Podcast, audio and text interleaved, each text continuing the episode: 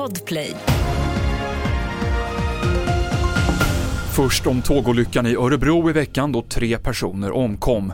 Polisen uppger nu att övervakningsfilmer visar att de inte genade över spåret. Ljud och ljusanordningar var i funktion och godståget som de träffades av översteg inte hastighetsgränsen på 80 km i timmen. De tre som dog hade anlänt till Örebro södra med ett tåg tre minuter före olyckan och passerade sedan spåret på avsedd plats. En 20-årig man döms till livstidsfängelse för ett mord i Rågsved i södra Stockholm förra året då en annan ung man sköts till döds inne på en snabbmatsrestaurang. 20-åringen döms även för mordförsök på ytterligare två personer som träffades och sju andra som riskerade att bli träffade. Nu klockan 12 ska begravningsceremonin inledas i Moskva för den ryska oppositionspolitikern Alexej Navalny som dog i ett fängelse i Sibirien för två veckor sedan. På filmklipp kan man se en lång kö av människor utanför kyrkan och det finns rapporter om att personer redan har gripits.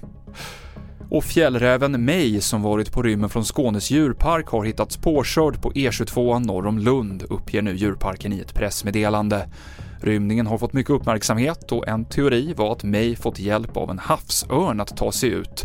Parken tackar allmänheten för allt engagemang och alla tips man har fått i sökandet. Fler nyheter finns på tv4.se. Jag heter Mikael Klintevall.